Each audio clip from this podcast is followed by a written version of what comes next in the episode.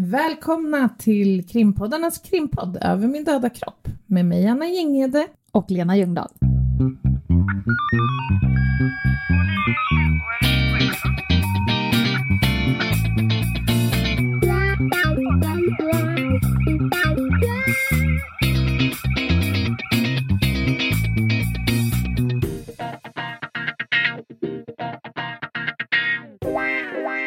Har du köpt toapapper? Eh, har jag köpt toapapper? Nej, jag vet inte. 72 rullar. Nej! fan är det som pågår? Nej, det är högst oklart. Högst oklart. Jag orkar inte prata så mycket om toapapper, men jag undrar vad fan är det som pågår? Nej, jag förstår såg en inte. uträkning utifrån hur mycket toapapper som har sålts Ja. i Sverige sista perioden. Nej, vad. Så har någon räknat ut att var och en av oss som bor i Sverige behöver bajsa 187 gånger om dagen. Nu. För att liksom använda den typ... att torka ikapp så att säga. Ja, men, Men kan det vara så att folk är så jädra rädda för att någon ska nysa eller snora så, att de man bajsar på bajsar sig? på sig av skräck? Alltså det finns så många liksom, ingångar på det här fenomenet. Det är ju en. En annan är ju också så här, om man betänker att man ska vara självförsörjande under en viss tid, isolera sig, Mm.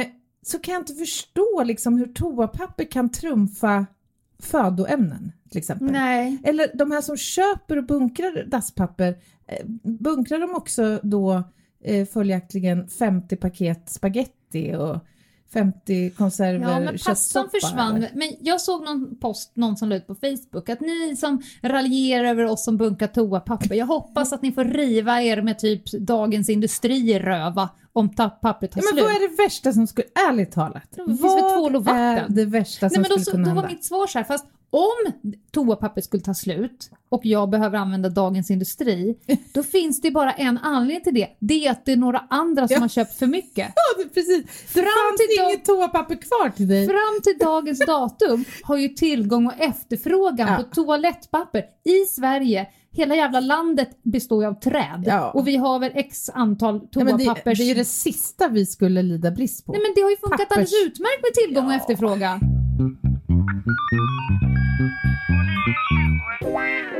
En annan rimlig förklaring tror jag kan vara det här grupppsykologiska fenomenet att man går förbi en hylla Ja. och så ser man att fan på den här hyllan är allt köpt. Det är Ja. tomt på den här hyllan. Varför då? Ja, det här måste jag också alltså ha då. Ja. Eftersom alla andra har sett det här som ett väldigt eh, Ja. centralt eh, Logik och panik är ju inte bästa Ja, kompisar. Nej, de är ju inte det. De är inte det. Men, men alltså jag kan inte, jag kan inte förstå det här annars på något annat sätt. Ja, nej men vi vet släpper toapappret men Mm. vi kommer komma fram eh, i det här avsnittet som vi kommer viga till kris och katastrof. katastrofer.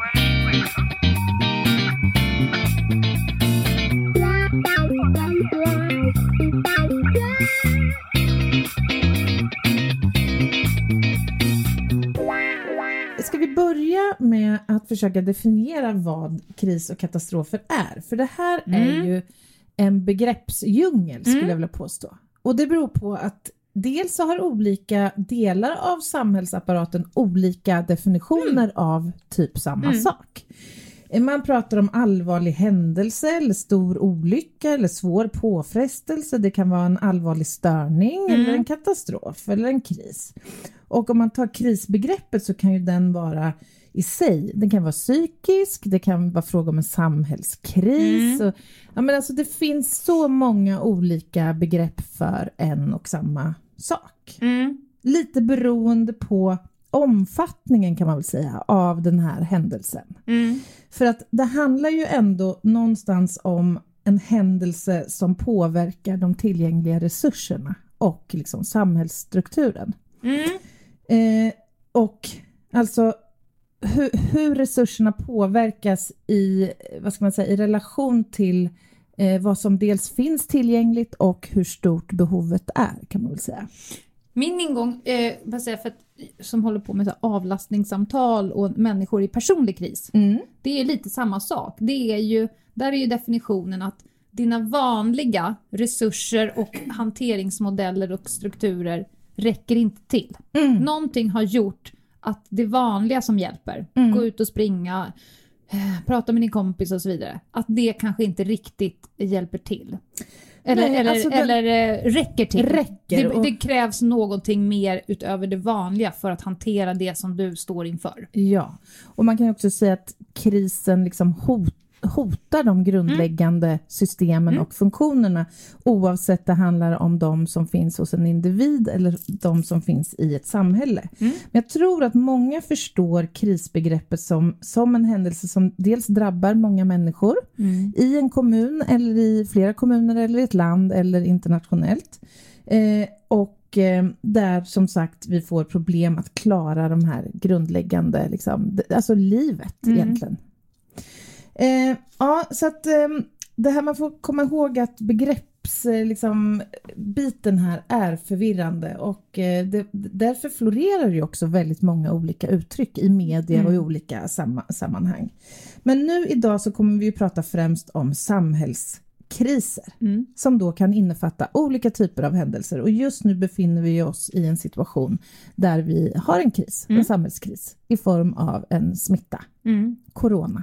Ja. Mm. På allas läppar. Eh, ja, eller i mångas lungor. Ja. Ja. Ja, och det här kommer bli en kris på ganska många plan. Nu är det en, en, en kris för, för olika samhällsstrukturer. Mm. Vården till exempel som kanske är ganska mycket uppbyggd för ett normalläge eller eh, best case scenario ska nu hantera någonting som är utöver det. Det krävs det. mer Mm. helt enkelt. Mm. Ehm, jag tänker ekonomiskt. Mm. Jösses vad folk blir drabbade nu. Och när corona har fladdrat förbi Ja. eh, så kommer folk vara utan jobb. ja, men alltså det är ju inte en belastning bara nu. Nej. Det här, vi kommer se effekter av det här under många, många år framöver. Och kommer bli personlig kris. Ja, det kan det också bli. Alltså för många människor som, eh, jag menar egna företagare till exempel, som kommer drabbas väldigt, väldigt hårt. Nej, men för vi kan ju utsättas för väldigt många olika typer av kriser egentligen och historiskt så har vi ju viss träning av det också. Eh, visserligen så har vi varit ganska förskonade från de här riktigt allvarliga och stora eh, katastroferna som har eh, tagit väldigt många människoliv till exempel. Det drabbas vi av kanske vart åttonde, vart tionde år. Så storskaliga eh, händelser. Men kriser har vi ju haft ett antal. Jag menar bara sista åren så, ja nu då corona, men vi har haft eh, Västmanlandsbranden, s- olika stormar, eh, Drottninggatan, terrorattentatet där.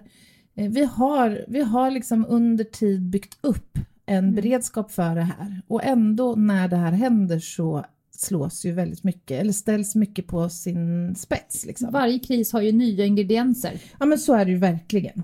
Verkligen.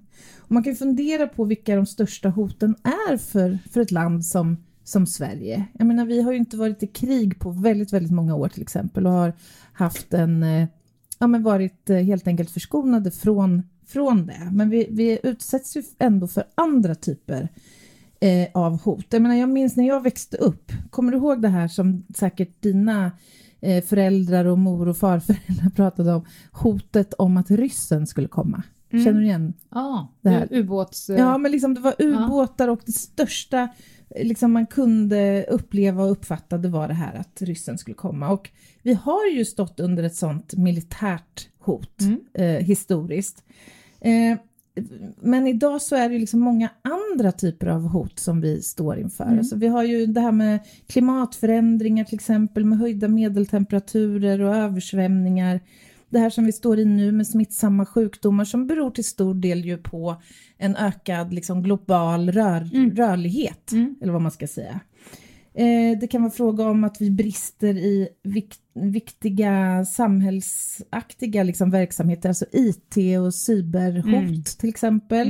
Det skapar ju en sårbarhet också. Elavbrott eh, och sådana saker till exempel. Ja, men så har vi ett hot som vi inte nämnde här inledningsvis och det är ju terrorhotet.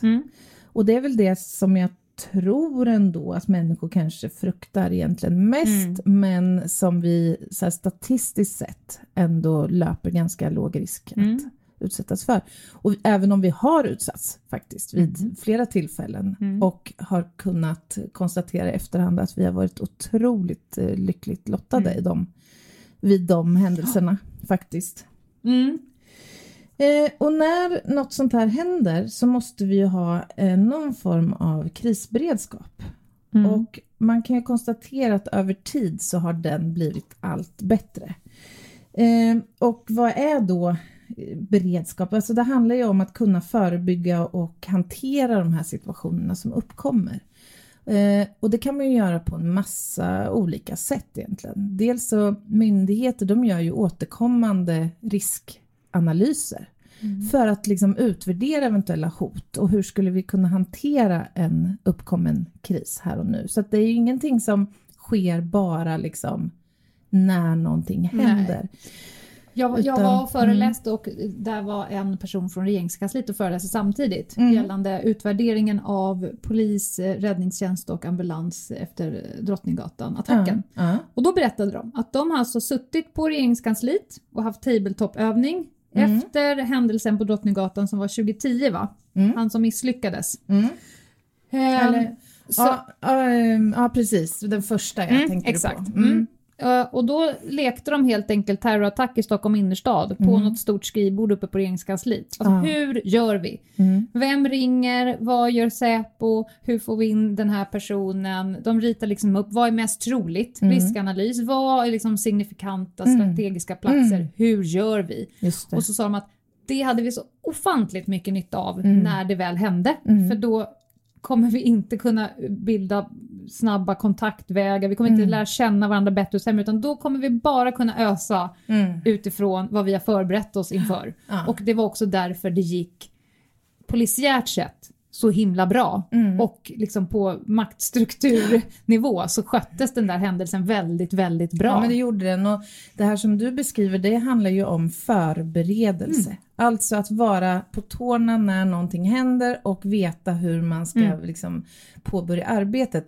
Jag kan ju säga, jag har ju varit med och jobbat vid flera av de här kriserna. Mm. Eh, och när jag eh, fick uppleva händelserna kring eh, tsunamikatastrofen och den frånvaro av krisberedskap Mm. som då rådde Mm. så blir jag väldigt varm i hjärtat när jag nu kan konstatera att vi successivt har blivit mycket, mycket bättre och precis som du säger Drottninggatan 2017 när vi hade mm, det sista terrorattentatet där var det ju, alltså det var en milsvid skillnad Mm. i beredskap då kontra tillfället då 2004 Mm. när liksom statsråd gick på teater och inte ville avbryta sin semester trots att vi Mm. hade den här ofattbara katastrofen. Avspärrningen var fyra meter från Ja, personen som ja. låg med bombbälte på sig. Ja, ja du tänker äh, Ja, där. terror. Ja, Ja. precis. Mm. Nej, men så att vi har blivit mycket, mycket bättre. Men apropå det, vi- vi kanske framöver kan viga ett helt avsnitt åt eh, krisledning och stabsarbete. Ja, För nu sitter ju många i, i stab, Mm. sjukhusen, Mm. mediahusen och olika typer av närings, liksom, samhällsaktörer.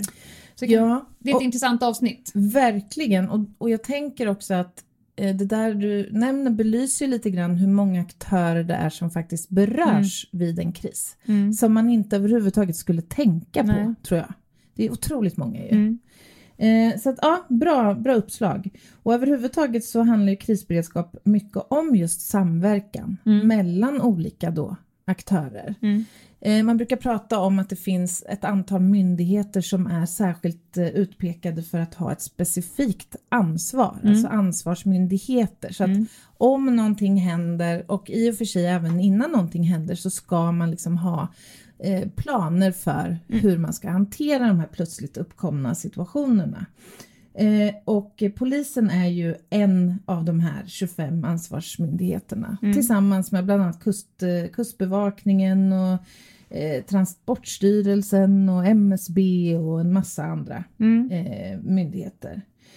Men polisen har ju, när, när vi ställs inför en sån här krissituation så har ju polisen som alltid annars uppgift att liksom upprätthålla ordning och Mm. trygghet i, i samhället och det förändras ju inte av en kris. Eh, utan kanske snarare blir ännu viktigare. För att det skapar ju oro i samhället och vi har ju sett från andra delar av världen hur det liksom i undantagstillståndstider uppkommer liksom Alltså man plundrar och man Mm. rånar och man... Alltså överlevnad blir så centralt så att våra Mm. mest primitiva kanske eh, egenskaper på något sätt tar över. Ja, det finns ju forskning som visar på att om det är fara för, alltså om det står mellan liv och död, Mm. vilket din hjärna kan ju tala om för dig att nu är det liv och död, fast det kanske rationellt inte är det. Mm. Men då kommer du ta hand om dig själv och dina avkommor Ja. och alla andra. Du kanske ser dig själv som en medmänsklig och empatisk person, Mm. men när det ställs på sin spets mellan liv och död, då är det du och dina avkommor och resten göra sig Mm. icke besvär i prioriteringsordningen. Och jag, jag kan förstå det. Ja, Alltså det är absolut. inte alls konstigt att Nej. förstå. Att eh, man skulle i första hand se över sitt eget hus liksom på något sätt. I en sån, i de här yttersta, yttersta Mm. liksom, svåra. Ja, men de här som snor Lägen. alkogel och handskar på sjukhuset och tar hem. Ja men de vill jag, ursäkta, men de vill jag sätta upp på något torg och bara Spik- spika upp. Kölhala. Ja men jag blir galen på Men det. då är det ett, uttryck, ett subtilt litet uttryck för jag och mig är viktigare Mm. än det stora hela, Mm. laget. Mm. Jaget går härmed före laget. Och de här jävlarna som försöker sälja skiten. Ja, till Och- ockerpriser ja, och för övrigt det ser man ju i med, sociala Mm. medier nu, även liksom influencers och bloggare Ah. som helt plötsligt bara utnyttjar ja, men jag blir galen. den utsatthet som nu Ät finns. den här för att boosta ditt Ja, immunförsvar. Ja, gör det ena efter det andra. Kryp in under stenen igen bara. Och aldrig förr har det väl funnits så många bloggepidemiologer som nu. ja, Det är helt som ligger galet. bredvid statsepidemiologen. Ja. Ja. De har läst in sig på all Ja. Jag googlade litteratur i... Ja men det är ju bara bedrövligt. Ja, det är faktiskt bedrövligt. Men i alla fall, polisen har ju då ett särskilt ansvar för några områden, bland annat farliga ämnen. Mm. Eh, men också undsättning och vård. Mm. Eh, och, och så där funkar det liksom att de här 25 ansvarsmyndigheterna har sina specifikt utpekade Mm. ansvarsområden utöver de uppgifter som alltid ska ske annars. Mm. För att krishantering handlar också, brukar man prata om, tre olika grundprinciper. Det ena var ju det här vi var inne på med ansvarsprincipen. Eh, alltså, har man ansvar för en viss verksamhet under normala förhållanden så har man det också även i en kris. Mm. Som pol- för polisen så handlar det då om att beivra brottslighet och upprätthålla trygghet och ordning och det här. Tänk dig om 50% av poliserna i Sverige Mm. blir sjuka Mm. Och samtidigt ska de upprätthålla lag och ordning, Ja. beivra brott och hantera det som blir utöver i Mm. den här coronakrisen. Mm, mm. Har du sett det som pågår på sociala medier nu? Ja, men alltså jag har ju sett, och det du syftar till är ju ex-poliser eller Mm. före detta som ställer sig till förfogande Mm. För att biträda och hjälpa till vid en eventuell liksom, akut krissituation vad gäller polisiär Ja. personal. Alltså jag tycker det är så fantastiskt. Jag har ju räckt fint. upp handen Jag vet. och i princip, jag skulle säga alla Mm. jag vet som har lämnat polisen, och det är ganska många, Ja. har räckt upp handen och säger hej, jag är säkerhetschef på det här, jag jobbar med väldigt viktiga eh, saker. Mm. Men om polisen behöver liksom personal nu, Mm. om jag kan kliva in och göra någonting som gör att du, kriminaltekniker, Mm. inte behöver patrullera gator och torg utan kan Mm. syssla med det du gör, då ring mig bara. Men jag tycker det här är så fantastiskt och det är också en erfarenhet jag själv har dragit efter att ha jobbat vid ett antal sådana här katastrofer eller Mm. kriser. Att helt plötsligt så försvinner de här barriärerna Mm. mellan människor. Man går samman Mm. och man visar en enorm styrka Mm. och kollektivitet liksom, Mm. och kärlek. Mm. Och man, helt plötsligt så ställer man upp för varandra Mm. alldeles oavsett du kommer från Sverige, Tyskland, Iran Mm. eller Syrien. Det finns Mm. liksom inga hinder för att man helt plötsligt ja, visar sitt stöd. Alltså ta efter Drottninggatan till exempel, sista Mm. händelsen. Det var ju helt Mm. otroligt hur folk hjälpte varandra och eh, ställde upp för Mm. människor man aldrig hade träffat eller Tog kände. hand om barn. Tog hand om barn och skjutsade människor den här första dygnen när liksom Mm. allt var avstängt och folk inte kom hem. Och alltså det, ja, men det är Jag vet- fantastiskt fint. På, på Drottninggatan vet jag en kvinna, jädrigt snabbtänkt. Mm. En, en ganska stor MacGyver-gen. Ja. Hon rusade in på någon av affärerna längs Drottninggatan. Hon tänkte att det kommer behövas plasthandskar, Mm. det kommer behövas eh, stoppa blödning-produkter. Mm. Så hon stod och slet ut plasthandskar ur alla eh, hårfärgningspaket. Hon tänkte det ligger ett par handskar i varje paket. Ah. Sliter ut dem, slänger dem på Drottninggatan och så stod hon och rev upp tampong och bindpaket för att kasta ut saker som man Ah. kan stoppa blödningar med. Ja, du vet. Samtidigt som varenda ledig läkare i hela Sverige åkte in och bara ställde sig Ja. i givakt. Ja. För nu är vi beredda. Sen vart ju inte det så stort Nej. eh, om, liksom, fång av, av skadade som de trodde.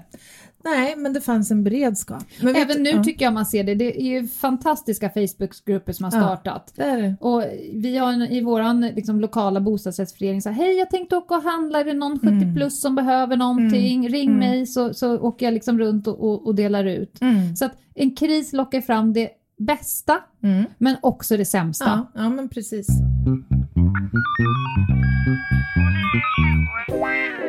Du, jag tänkte på det här du nämnde om han, handskar, plasthandskar och så, hamstringen och det där. I, häromdagen så hörde jag på bussen, det var två ungdomar som satt och pratade och då hade den ena ungdomen läst i, i någon tidning om att kondomer också var en bristvara. Mhm. Och då tänkte jag så här, men det kanske är som det har, som det har beskrivits i andra sådana här krissammanhang när folk isolerar sig hemma, att det Mm. helt enkelt liggs mer. Mm. Så. Men nej, det beror inte på det, utan det beror på att i vissa delar av världen så är handskar en bristvara. Man får inte tag på plasthandskar. Så i det här... Man sätter en mamba på varje Ja, finger. exakt. Man använder kondomer som en barriär, som en barriär och skydd från smitta. Jag tycker det är fantastiskt. Det är kreativt. Ja, Det måste man ju verkligen. säga ändå. Verkligen. ja, precis. En annan sån här princip då, vi pratade om det här med ansvarsprincipen, det är närhetsprincipen. För, Mm. för nu pratar vi lite grann om hur man eventuellt kommer behöva förflytta resurser Mm. från en del av landet till en annan och sådär. Men vi har en princip också som, som heter närhetsprincipen som innebär att en kris ska i första hand hanteras där den inträffar och av de som är närmast berörda. Mm. Men som vi sa inledningsvis här så handlar det ju om att resurserna inte alltid är tillräckliga och Mm. då kommer man ju behöva såklart Flytta. flytta eller ta resurs från annat Mm. håll. Jaha, vad händer då i sådana här lägen? Hur, hur får allmänhet reda på att eh, en kris är under uppsegling eller har inträffat? Det kan vara ju Hesa Fredrik Ja, som skriker. Ja, Och det är en myt. Ja, Det är den här eh, signalen som hörs. mm. De allra flesta vet att det är måndagar klockan tre. ja. De allra flesta tror att det är första måndagen i varje månad. Första torsdagen i Första mars. i mars. Nej, första måndagen varje månad tror Ja, folk, men ja. så är det inte. Nej. Utan det är första måndagen i maj, nej i mars, juni, september och december. Den skriker Mhm. Så det- kvartalsvis. Tre... Fyra gånger om året Ah, testas den. Okej. Det var nytt för mig, för Ja. jag trodde faktiskt att den Mm. Den gjorde det skrek. förr, Ja. typ efterkrigstiden.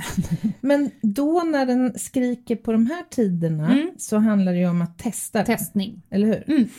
För sen har vi ju det här som man brukar kalla för VMA också. Mm. Eh, och det står ju för viktigt meddelande till allmänheten. Mm. Och det kan ju gå ut på massa olika Mm. ställen. Radio och tv och eh, i olika media. Och eh, som jag förstår det så kommer ju Hesa, Hesa Fredrik är ju liksom en del av den här Mm. funktionen. Att är det riktigt allvarsamt och akut, Mm. då dundrar man igång med Hesa Fredrik också. Man kan ju tänka att om man hör Hesa Fredrik någon annan gång än när den ska låta, då Mm. bör man liksom ta sig in och starta upp de lokala, alltså vi pratar ju radio Precis. eller public service Ja, TV ja, precis. för att få Det är ju information. P4 tror jag som Mm, har ja. eh, liksom krisinformation. Jag vet inte hur det är nu men förr fanns det liksom prickade personer som är eh, liksom särskilt Ja. utvalda för att prata Okej. i de här tillfällena. Som Mhm. har liksom träning på det, som är lämpade, Mm, som inte förstår. hamnar i affekt och så vidare. Och så vidare. Som behåller lugnet. Och sen så ska man ju också faktiskt stänga fönster och Mm. dörrar och ventilation och sådär. Eh, för att det kan ju vara fråga om farliga ämnen Mm. eller... Och man ser ju där ibland den där remsan som ligger i, på TV. Mm. Eh, så man får direkt eh, information. Och jag tror att Sverige har sett till många andra länder i världen en väldigt, väldigt bra sån här krisberedskap Ja. faktiskt. Ja, nu testas den. Ja. Eh, och efter det här kommer eh, vi lära oss, alla involverade samhällsaktörer kommer lära sig något nytt. Och Mm. så skruvar man lite på sina modeller och så kommer man testas igen och så Mm. skruvar man lite till. Mm. Men jag tycker att det märks nu när man tittar hur världen liksom reagerar. Mm. Vi är ganska lugna och balanserade. Sansad. Ja! Sansat. Och det Mycket, jag uppskattar säga. jag, skulle jag vilja också. säga. Men du, jag håller verkligen med dig. För att jag har ju upplevt ibland att Sverige är kanske snarare tvärtom. Så här, vi tar absolut inga risker, vi tar det säkra för det osäkra. Vi Mm. liksom så. Mm. Men nu, precis som du säger, så har ju faktiskt eh, man Ja, vad ska jag säga, behållit lugnet Mm. och varit lite mer strategisk i Mm. många frågor. Vilket ska inte jag vara rädd- verkligen Ja. uppskattar. Vi- Jag får känslan att vi är inte rädda för att ta väldigt ordentliga åtgärder, men vi gör dem inte förrän de behövs Nej. eller ger bäst effekt. Exakt. Det här ängslan, Ja. att liksom för säkerhets skull, eh, om det inte ens ger den effekten man vill uppnå, då är det tämligen korkat. Verkligen, verkligen. Vi kan istället få andra problem ju. För det Mm. Har ju varit, sett till medias Ja. rapportering, så har det ju bäddat för viss Mm. alarmism Mm. och panikartat Ja. liksom, agerande. Men du och jag överlag har ju lite svårt för konspiratoriker, alarmism och paranoida personer. Ja. Som på Facebook har som status “Jag har gått livets hårda skola”. ja. ja. Vi har ju lite svårt med de här “Jag är realist” ja. eh, och så vidare. Jag tycker att i de här tiderna så får var och en av oss lyssna till experterna Mm. och sen lyda. ja. Någonstans där bör vi Exakt. lägga det. Och sen tror jag att vi måste förhålla oss till just det här hotet till, för vad det är. Mm. Det är fråga om liksom en, ett influensavirus Mm. som vi exponeras för Mm. i andra sammanhang också. Och visst det finns skillnader, jag vet att man inte kan jämföra det här Nej. mot andra. Men fortfarande, du och jag har ju, löper ju ingen jättestor risk Nej. för att dö av det här viruset. Och jag tycker absolut man ska beakta så här, man ska inte bidra till smittspridning, Nej. man ska hålla, upprätthålla en god hygien, Hålla avstånd. hålla avstånd, absolut. Men vi måste fortsätta att leva. Vi Mm. kan inte liksom, jag menar, Jag tycker att det har kommit fina saker här. Jag kan säga, eh, nu har jag ju en, en hundvalp. Vi Ja. är ju ute ungefär en gång i timmen. Eh, och vi är väldigt mycket ute i olika friluftsområden nu. ja. Det är fan i mig knökfullt. Ska jag det? säga. Det är snudd på att det är svårt att hålla en meters avstånd. Men folk är ute i djur och Mm. natur, upplever djur och natur. Mm. Man ser människor som har byggt en egen liten fotbollsplan, folk har picknick, de Mm. är små, små klungar. Jag Ja. gissar familjeklungor. Tänker jag, men herregud, det här, man måste kunna säga att det påverkar också saker positivt. ja men det gör det ju, absolut. Det får man säga. Men det är väl så det är generellt med liksom Från områden all... som annars är folktomma, Ja. för då sitter folk, jag vet inte, inne och gör något. Ja. Nej men så är det väl generellt att det är först när saker och ting ställs på sin spets som man Mm. faktiskt liksom vidgar sina vyer och upptäcker Ja. Men jag hörde någonstans att någon hade kastat ägg på några gamla människor som var ute. Nej. Jo, för att de ska hålla sig inne. Jag menar, det är inte, de kan väl vara ute, men de ska inte vara i närheten av någon. De får ta en promenad hur mycket de vill Ja. och hålla avstånd. Det är en droppsmitta. Exakt. Du vet, jag, åkte ju, jag skulle ju åka tåg igår Mm. för att vi skulle kunna podda Mm. och så. Och jag var ju lite ängslig över det där Mm. för att det har ju stått i tidningarna nu man ska undvika kollektivtrafik och, Mm. ja, men, och det handlar ju om att man ska undvika miljöer där man sitter och vistas nära Du ska inte sprida andra. smitta. Nej, eller få smitta Mm. helst. Men jag hade ju ett helt tåg ensam igår. Ja. Jag var helt ensam, jag hade en hel kupé för Mm. mig själv. Så att eh, man märker ju väldigt tydligt hur Mm. människors beteenden Mm. nu har eh, ändrats. Men för att veta hur man ska göra rätt, jag säger så här. Kanske ska man vara lite lugn med att söka information på Instagram, på Flashback och på olika typer av Facebookgrupper. Ja. Utan gå till de ställena där proffsen skriver krisinformation.se Mm. I det här fallet Folkhälsomyndigheten är involverad. Mm. Det nya, tämligen nya telefonnumret 113 13 Ja, som är Sveriges informationstelefonnummer Mm. vid sådana här händelser där man kan söka information. Just nu gissar jag att de jobbar hårt Ja, och de att det är har- väntetid. Men sök nu information från proffsen. Mm. Ja, och undvik att belasta sjukvården i den mån det är möjligt. För det är ju också så här, nu handlar ju, i den tidsperiod vi befinner oss i, eller vad ska jag säga, fas vi Mm. befinner oss i nu, så handlar det ju om att försöka avlasta sjukvården i den mån det är möjligt. Jag Mm. menar, många av oss kommer ju få den här influensan Ja, och de allra flesta av oss kommer också klara oss igenom den bra. och utan att veta att vi ens hade den. Ja, så kan det också vara. Men, vi ska ju platta ut kurvan. exakt. Det är det allt går ut på. Ja, så det få som möjligt ska bli sjuka under en kort period utan Mm. vi ska smeta ut kurvan. Jag pratade med en läkare. Jag sa så här, visst är det fantastiskt nu att folk går ut på balkongerna klockan åtta och, och sjunger och, och hyllar som hjältar. Hon Mm. tittar på mig ganska trött. Ja. Så sa hon så här, för ett par månader sedan då varslades en Ja. djävulsk mängd läkare och sjuksyrror. Mm. Det var knäpptyst Mm. från den stora allmänheten. Mm. Mm. Eh, nu har de personerna, deras varsel har dragits in, Ja. nu jobbar de igen och hyllas som hjältar. Hon sa att vi är inte hjältar då, vi är inte hjältar nu, eller så är vi hjältar hela tiden. Ja. Men låt oss liksom hålla på med vårt jobb. Det är vårt jobb att ta hand om sjuka Mm. personer. Mm. Vi behöver inte någon som och sjunger för Nej, oss. nej. Men, men vi behöver förstå att vi behövs alltid. Precis, och det ska vara attraktivt att hålla på med det här. För att när skiten slår i fläkten, då kommer vi stå här. Och vi har Exakt. egna barn. Ja. Men vi kommer stå här och kontamineras Ja. med smittorna. Men det här tycker jag är jätteviktigt och det gäller ju liksom polisen och Ja. många andra myndigheter också. Och man har ju så, jag menar, ta återigen Drottninggatan, när, kommer du ihåg bilderna på den här eh, polisbussen som var helt blommorna. begravd i Mm. ett hav av blommor. Jag tycker Mm. det är så fint, men återigen, det här är ju händelser som alla andra för polisen. Vi Mm. måste vara på plats när det händer och vi måste bidra på det sätt vi kan. Mm. Och det gäller även sjukvårdens personal som för mig personligen är hjältar alldeles oavsett. Alltid. Alltid. De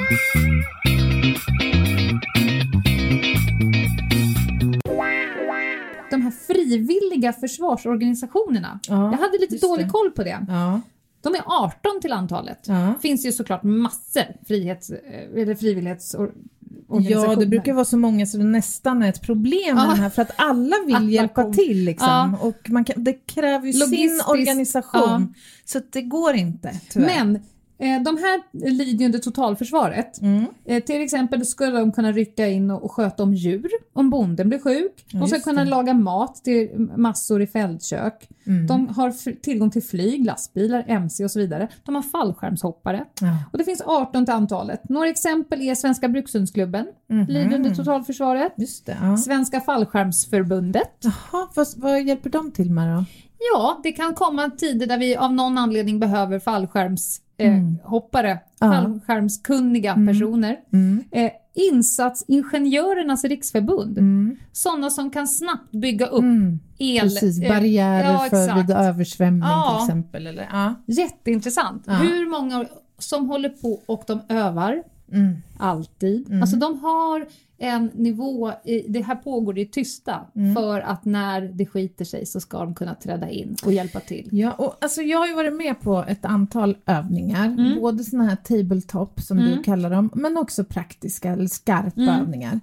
Problemet som jag ofta upplever det är att man avbryter ofta övningen när man kommer till, alltså om man har avlidna människor Mm. i ett scenario Mm. så avbryter man ofta övningen när man ska börja ta hand om de som är avlidna. Och det är ju en hel, alltså i de situationerna så kräver ju det en enorm organisation Mm. med identifiering och förvaring av avlidna och skadade kanske och sådär. Men visst, övning är ju jättebra, inte minst för att man, det är en möjlighet till nätverkande. Liksom. Mm. Man träffar de här som man i Mm. ett skarpt läge kan komma att behöva samarbeta med. vilket är jätteviktigt. Och man byter, det ska man också veta att, att Sverige byter kunskap och erfarenheter med andra länder som har Ja. varit med om saker. Till Absolut. exempel efter Utöja, vi hade ju den här skolattacken i Trollhättan, Trollhättan, på Kronans mm. skola. Mm.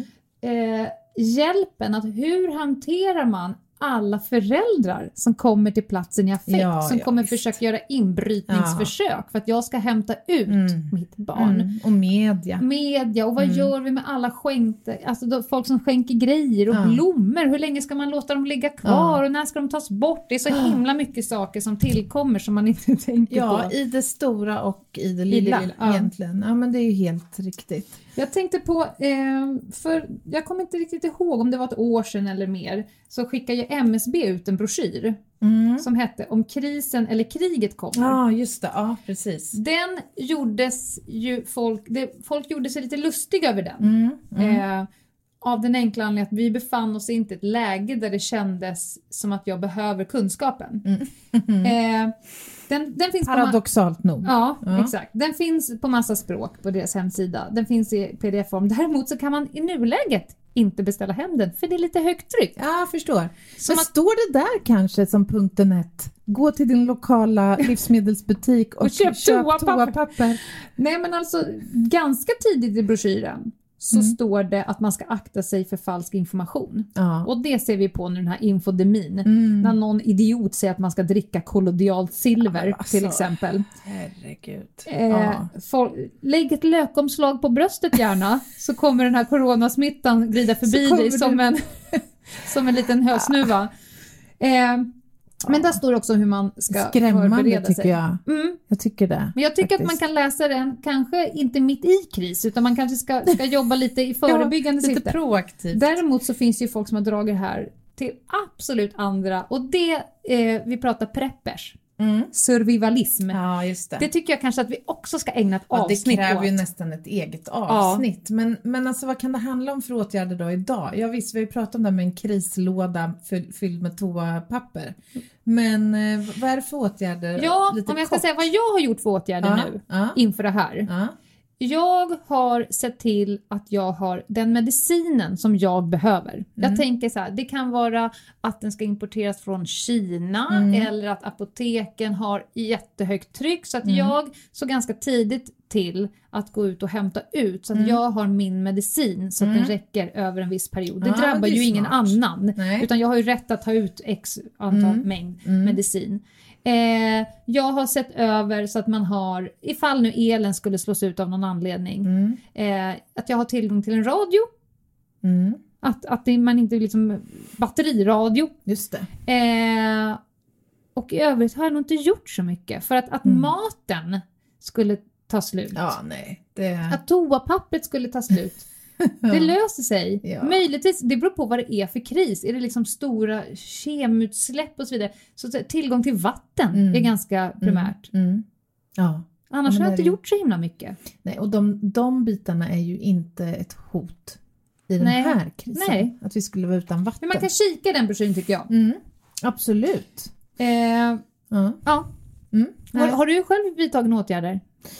Eh, nej, egentligen inte faktiskt. In, nej, inte så stora förändringar från hur jag levde livet för Nej. två månader sedan. Men eh, visst, det här med läkemedel och så är ju, det har jag inte tänkt på, men det kanske jag själv borde göra faktiskt. För Det, handlar ju i kan vara- förlängningen om att inte belasta vården. Mm. För om jag inte äter Mm. mina mediciner då kommer Ja. jag till slut bli en patient som de kommer behöva Precis. hantera och det har de annat för sig. Mm. Så jag ser till att helt enkelt sköta min eget jävla Ja, hälsa ja, men exakt. i den mån jag kan. Nej, men i övrigt, våran kylofrys är liksom full alltid. Mm. Jag kan inte göra så mycket mer. Nej. Sådär. Eh, nej, behålla lugnet Mm. liksom, är väl min eh, framgångsfaktor i det här Mm. tror jag. Men sen samtidigt att man håller sig uppdaterad eh, vad gäller valid liksom, information Ja. och anpassar livet utifrån det. Mm. man, kan inte, man kan inte förbereda sig för alla olika scenarios. Det går inte. Jag gillar ju på något sätt att väldigt många personer försöker göra så att livet ska vara så normalt som möjligt. Och vissa kan göra sig lite lustiga över det. Så här, varför låtsas du som att allting som är vanligt? Mm. Ja, men vad vinner samhället på Mm. att människor hamnar i sin hjärna Ja. i survival mode när inte det behövs. Mm. Så till exempel såna här Operan har ju, börjar ju live så att man kan gå in på deras hemsida och titta på deras Mm. eh, operor. Ja, Eh, nej men alltså, det upprätthåller en, en uthållighet Mm. hos människan. det tror jag är viktigt. Att kunna, Mm. Eh, att kunna ge sig själv att nu tar vi fram Monopol och spelar Monopol hemma. Mm, Vi måste inte sitta i ett varsitt hörn och vagga Nej. från sida till sida och tänka snart skiter det sig. För du kommer inte göra bättre. Du kommer, liksom inte, du kommer inte bli mer beredd på om det blir sämre. precis. Det är lite när vargen kommer, man säger till Ja. sin hjärna hela tiden att, att snart händer, snart händer, snart Mm. händer. Du kommer ju trötta ut Ja. vargen. Och sen tycker jag det är fascinerande nu, eh, man ser de här opportunisterna Mhm. som nu passar på. Ja. De här som är hemma från jobbet fast de egentligen inte skulle behöva vara Mm. det. Men det kan vara att de har en släkting som är förkyld så Mm. då kanske det är lika bra att jag också liksom är Min kusin i Lite Nebraska är i ja. högriskgrupp så jag stannar precis, hemma i jag stannar sympati. hemma, ja. Eh, och det, det har jag läst om nu på Ja. lite olika ställen att det är ju ett ganska utbrett fenomen. Aldrig förr har så många haft snuva samtidigt. liksom. Nej. Ja, men det är klart, eh, det är lite undantagsläge ju just nu så att ehm, Jag har ju det. En favorit, han Johan von Schreb, jag vet inte hur Mm. man uttalar hans Just namn. Mm. Den, vi kan kalla honom den balanserade katastrofläkaren. Ja. Han sa, jag tror att det var Nyhetsmorgon, så han sa så här. Jag betackar med alla olyckskorpar som nu pratar om jordens undergång. Mm. Det här kommer lösa sig, vården kommer liksom eh, ta sig igenom det här. Mm. Det enda vi ska göra är att se till att platta till kurvan Ja. så att den blir, eh, det kommer in färre samtidigt. För att vi Precis. har inte tillräckligt många respiratorer. Punkt. Nej. That's it. Ja. Ganska balanserad man, tycker jag. Jag tycker även att han, Tegnell, Mm. Jobbar Mm. på. De har fått mycket skit. Han har fått mycket skit, men det Och vände hat. ju. GD, GD gick ju ut och, Ja, och, och hans till. Att nu ja. ni, han är ju inte en ensam person som så här, sitter hem på kammaren och bara “jag känner för att stänga ner de här Nej. verksamheterna”. Nej, det där är ju ett Det är jättearbete. väl övervägda beslut och man måste komma ihåg att de här människorna, de jobbar ju med de här frågorna och har Alltid. gjort, de har disputerat och Mm. doktorerat på frågan. Mm. De kan det här, Ja. de har nätverk över hela världen och tar till sig den bäst och mest tillgängliga Mm. kunskap som finns. Och de befinner sig inte nu i affekt. Nej, precis. Ja, några andra favoriter, Agnes Wold mm. älskar och han Johan Giesecke Ja, är också en, en, en skön lirare här. Mm. Man får ju bara tänka, de trummar på, det här är det de är byggda för att göra. Ja, men Vem så är är vi och har liksom åsikter? Mm. Precis. Eller åsikter kan man ju ha, men man får inte tänka sig att jag kan nog mer än någon som har ägnat hela sitt liv åt just det här. Nej, precis. Jag håller med dig. får man hoppa ner lite från hästen en stund. Ja, exakt. Nu, jag menar, nu har vi ju varit än så länge förhållandevis förskonade från döds, dödsfall Mm. och de som har avlidit olyckligtvis till följd av corona har ju varit äldre. Jag tror Eh, snittåldern med- är 78,5 ja, var det här ja, den, i alla är, fall. den är hög i Oj, alla fall. sorry. Eh, och de har haft bakomliggande Ja. underliggande sjukdom. Det har ju även de som har varit yngre haft. Mm. Eh, alltså man har ju en ganska klar bild av vilka som är riskgrupper. Så att sannolikt så kommer vi ju inte se scenarios med liksom människor som ligger döda på gator och i Mm. andra miljöer. Ehm, men det är ju polisens uppgift att eh, fastställa identitet på människor som avlider i sådana här sammanhang. Eh, det är också polisens uppgift att registrera, katastrofregistrera som det kallas, Mm. vid en sån händelse. Och då handlar det om att eh, se till så att de här människorna kommer under vård. Mm. Det handlar om att sammanställa information om skadade och avlidna Mm. eh, för anhöriga som Mm. kommer sakna sina eh, närstående, helt enkelt. Eh, och det här finns ju en väl utarbetad organisation för. Vi Mm. har ju varit in på det här i andra avsnitt, men det är det här som kallas för DVI, Disaster Victim Identification. Så att i de situationerna, eh, det kommer nog inte bli aktuellt i det här fallet, men till exempel Drottninggatan och i andra sådana Mm. andra såna händelser så har ju den eh, delen av polisens verksamhet också aktiverats eh, och upprättat en beredskap Mm. för att kunna träda in och, och jobba. Mm. Har du någon särskild eh, funktion i det här? Kan, har du som, som rättsodontolog eh, och identifieringstandläkare. Mm. Har du Ja, men- en egen liksom, liten eh, beredd grej i fickan nu? Ja, jo, men det har jag. Eh, det det liksom sitter någonstans i ryggmärgen att ha det Mm. vid de här händelserna. Även om det som sagt inte är så troligt just nu Nej. att det skulle vara. Däremot så kan det bli ett ökat tryck på eh, Rättsmedicinalverket som hanterar Mm. identifiering eftersom fler, det kan, det kan ju vara så att om man säger så här, i ett normalfall, de som kommer till rättsmedicin för identifiering, det är ju ofta gamla som Mm. anträffas avlidna hemma och som inte Mm. har varit avhörda eller saknats, så att säga, inte anmält saknade. Man kan ju tänka eftersom gamla ofta har eller ofta är i riskgrupp att kanske fler faktiskt avlider hemma Mm. ensamma. Så att trycket kanske blir högre på identifieringsärenden och då kommer jag naturligtvis ställa mig till förfogande och hjälpa till med det. Men om Eh, jag får ställa en personlig fråga. Mm. Du är inte bara tandläkare, du är mamma också. Jag är mamma också. Ja, För när, när, när det skiter sig Mm. eh, och du behövs som mest som eh, polis och medarbetare och rättsodontolog. Mm. Säg att det skulle bli krig Ja. eller någon större katastrof. Mm. När, men när, när du liksom känner att du behöver träda i tjänst och jobba dygnet runt. Mm. Det är kanske just då också som du behövs mest som mamma. Ja.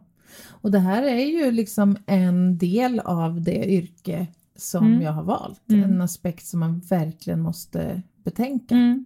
Och ibland, alltså jag kan inte, det är svårt att föreställa sig hur, vad det skulle kunna vara för typ av scenario men jag hoppas ju att man ska räcka till för båda, för båda delar. Mm. Hur tänker du kring det här?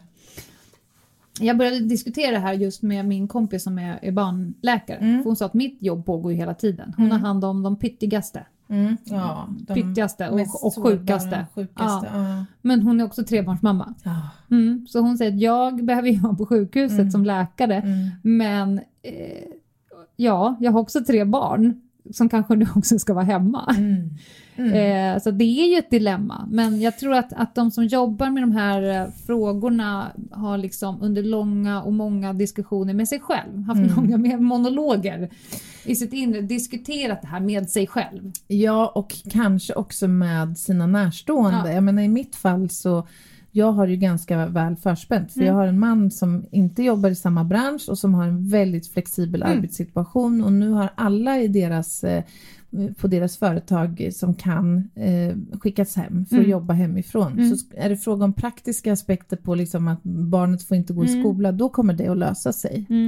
Så är det ju, men däremot så blir det en annan eh, effekt av det och det är att man själv utsätter sig för risken att Mm. smittas. Mm. Och att, eh, smitta. Och smitta. Mm. Precis, så att eh, ja, nej, men det, alltså man får tänka till här Mm. så att man agerar smart. Med barn, jag vill bara säga med barnen så skulle jag vilja säga för att de påverkas mycket nu. Ja, Alltså, lyssna, det gör de. det pratas bara Mm. om corona Mm. och ibland ganska onyanserat och obalanserat. Mm, mm. De pratar om det i skolan, de går och väntar på huruvida de ska få gå till sin skola och till Ja. sin förskola. Eh, föräldrar pratar bara corona, på Mm. bussen pratas det bara corona. De får inte hoppa på längst fram på bussen utan längst bak och det sitter ett vitt band så de kommer inte ens fram till busschauffören. Nej men så har de inte gjort i Örebro Nej. och det tycker jag är fascinerande. Mm. De har alltså tagit bort första sätet men de släpper på folk fram. Så att du kommer ändå passera busschauffören. Men vänta, de, man får inte sitta där framme, Nej, du går förbi men du går förbi busschauffören och säger och kanske god morgon. jag behöver en biljett här eller jag behöver fylla på mitt kort. Mycket märkligt. Mycket märkligt beslut. Men, men jag tänker så här, eh, jag har nämligen själv pratat med min son Mm. och bara, vet du vad, det, om, om de tar beslut att stänga skolan, Mm. då är det för att så få som möjligt ska smittas. Mm. Skulle du eller dina kompisar bli sjuka, så vi vet inte ens om vi skulle märka att ni har Nej. liksom den här smittan och har ni det så kommer knappt, liksom, du kommer bli sjuk, förkyld. Mm, mm. Man kan inte vara så jävla domedagsmässig till Nej. barn för de Nej. läs, de hör nyheterna dygnet runt, alla pratar om det. Kanske chilla lite Ja. och säga så här, men varför får jag inte träffa mormor? Jo men för att hon är 70 plus. Mm. Hon får ba- banne med hålla sig hemma nu och, och, göra andra saker. Mm. För att det är henne vi ska skydda. Precis. Det är därför vi inte åker dit. Det är, så Men- att, Ja, jag upplever ändå att skolorna har hanterat det här jättebra. Ja. För jag pratar mycket med våran son Mm. också, han är åtta år. Och då, jag frågar honom varje dag, liksom försöker ta pulsen lite Mm. på honom för att se om det här är något som han känner sig orolig, Mm. rädd för. Eller, och varje dag så återger han för mig Mm. läget. Liksom. Mm. Det är som att de, de, dels så har de här Lilla Aktuellt eller vad det Mm. heter som de får en nyhetsuppdatering Mm. kring. Men sen verkar de prata mycket i skolan och Ja. jag tycker det är jätte, jättebra. Ja. För att det gör ju att oron i alla fall Ja, och de är pedagoger, så om inte Mm. de kan prata med, med, med våra barn på ett, ett bra sätt så Mm. då blir man ju orolig på riktigt. Men det kan de. Det jag skulle kan säga de. det kan de. Definitivt. Generellt. Ja, det kan ju säkert finnas varianter Un- där också. undantag. Ja. Mm. Ska vi... Jaha, eh, det är väl dags att runda av här va? Jag tänker att vi kanske kan runda av med våra bästa tips på vad man kan göra nu när man har väldigt Ja. mycket timmar i sitt hem. Precis, hur man kan sysselsätta sig och få tiden att gå. Ja. Perfekt. Vi kör en veckans lista. ja, Veckans lista. Jag kan tipsa om en bok. Mm. Ett jävla solsken. Ja men den är ju fantastisk. Med Ester Blenda Ja. Nordström. Ja. Eh, sen så har jag kommit på mig själv att jävlar vad jag rensar hemma nu. Mm. Nu Ja. är det rensning. Det här är tid, utrensningens tid. Ja. Gud vad otäckt lät. Städningens tid. Städningens tid. Mm. Jädrar, jag har kartonger överallt men de här ska liksom till välgörenhet och de här ska Mm. till tippen och här ska ner i källaren och det här är för Mm. smått. Det här är Olles kläder som ska till din unge Ja, och så vidare. Och så vidare. ja. Eh, sen så såklart ut i skogen. Det är inte förbjudet att gå ut. Nej, och man kan ju göra väldigt mycket härligt ute. Ja, det är faktiskt fantastiskt. Mm. Eh, och sen så har jag, eh, jag som inte kollar så mycket på serier och krim och sådär. Det är kanske några av våra lyssnare som inte eh, tittar bara på krimserier. Mm. Eh, jag har tittat på en, någon som heter nu 100 Humans på Netflix. Mm. Jätteintressant. Då har de tagit fem, eller 100 snittamerikaner, får man säga så? Ja, Alla åldrar, från de som är i 20-årsåldern till 60-årsåldern. ja. Och så testar de myter. Är kvinnor Aha. eller män bäst på multitasking? Nej, vad spännande. Är de som är födda, de som är runt 20 bättre eller sämre än de som är födda, de som är runt 60 på problemlösning? Nej men alltså, jag älskar den här, Den är det här jätterolig. formatet. Tips! Det är lite amerikanskt. Ja men, Det är lite yay, wow! Ja, så. Men, men det är också väldigt intressant. ja det förstår jag. Där de utsätts för, och då kollar de smärttålighet, Mm. eh, korttidsminne, långtidsminne, Mm. problemlösning och så jämför de liksom kön, eh, hur eh, vidsynt eh, du är. Mm. De skulle para ihop, de fick sex personer para upp, de här är de som du tror är tillsammans med varandra. Mhm. Då var det tre män och tre kvinnor Mm. Som skulle paras ihop till tre stycken par. Mm. Mm. Eh, av alla 100 personer Mm. så var det en kvinna som klarade av att placera de tre rätta paren med varandra. För att det var, Det var och ja. det var, ja. det var två tjejer som var ett par, Ja. det var två killar som var ett par och så var det en tjej och en kille som var ett par. Otroligt. Och av de hundra så fanns det både transpersoner och Ja. homosexuella som själva är queer. Eh, och de sa också inte ens vi kan se Nej. över Ja, heteronormen. det är. Ja, det är jätteintressant. Så intressant. 100 humans vill, Ja, jag, vill ja. jag tipsa om. Ja. Och sen har vi hemma jobbat väldigt mycket med bingo. Mm. Mm. Vi har helt enkelt ritat upp bingorutor och sen har man gjort en lista med olika uppdrag som ska utföras. Och för varje bingo så får man eh, barnen och mormor har ett eget bingo för hon håller på att tröttna på att vara hemma. Ja. Så får man någon form av pris, typ ta en glass eller Ja. något sånt. Och då säger eh, mormor kanske så här, ja ah, men jag tar nummer nio och då tittar vi på en lista. Ja men nummer nio är baka kanelbullar. nummer 13 är rensa ut kaoslådan i köket. Ja, alltså, Alla det har ju här en är sån. ju så smart. Och sonen har liksom nummer 12 borsta katten på, på balkongen en kvart. Nummer 13, inte vet jag, städa din strumplåda. Ja. Jädrar vad Oh. vi får saker gjorda hemma. Och så får det vara lite balans mellan kul, nyttigt, träning, pluggning och så vidare. Ah, men du, skön lista. Bra tips Ja. Lena. Det blir svårt att gå tillbaka till jobbet nästan sen. Ja, för, för min del så har jag aldrig kommit därifrån. Nej. Så att, eh, jag kommer nog inte få göra så mycket på den där listan. Nej, men, Men för eh, oss där är allt är inställt. Ja, precis. Varenda föreläsning är inställd. Mm. Då- Ja, då är det inte så mycket att göra. Nej. På det sättet så är ju den här krisen, det har ju medfört vissa positiva effekter. Ja. Det är ju att tillvaron har ju blivit på, på något vis lugnare. Mhm. För att det är ju jättemycket Mm. uppdrag. Det är ju jättetråkigt såklart. Men att, att uppdrag ställs in medför ju också att man Mm. får lite mer luft i schemat. Mm. Så att eh, man kan ju tänka positivt kring Mm. det. Att då kan man använda den tiden till andra saker. Jag är ju inte en person som bryter ihop. Nej. Nej, man får ju försöka göra, det låter ju så jävla äckligt käckt, men man får ju försöka göra det bästa av det hela. Livet går vidare liksom. Ja, Så det gör ju det. det. Even this shall pass, Yes. vänner. Yes. Ska vi tacka för veckan? Det gör vi. Mm. Och om ni har andra tips på vad man kan göra Mm. hemma i sin karantän så hittas. Mm. In på. Instagram. In på Insta. Följ oss på Ljungdahl och Ginghede. Eller mejla oss på ljungdahlochginghede.gmail.com Och sen hörs vi om en vecka igen. Hej då! Hej då!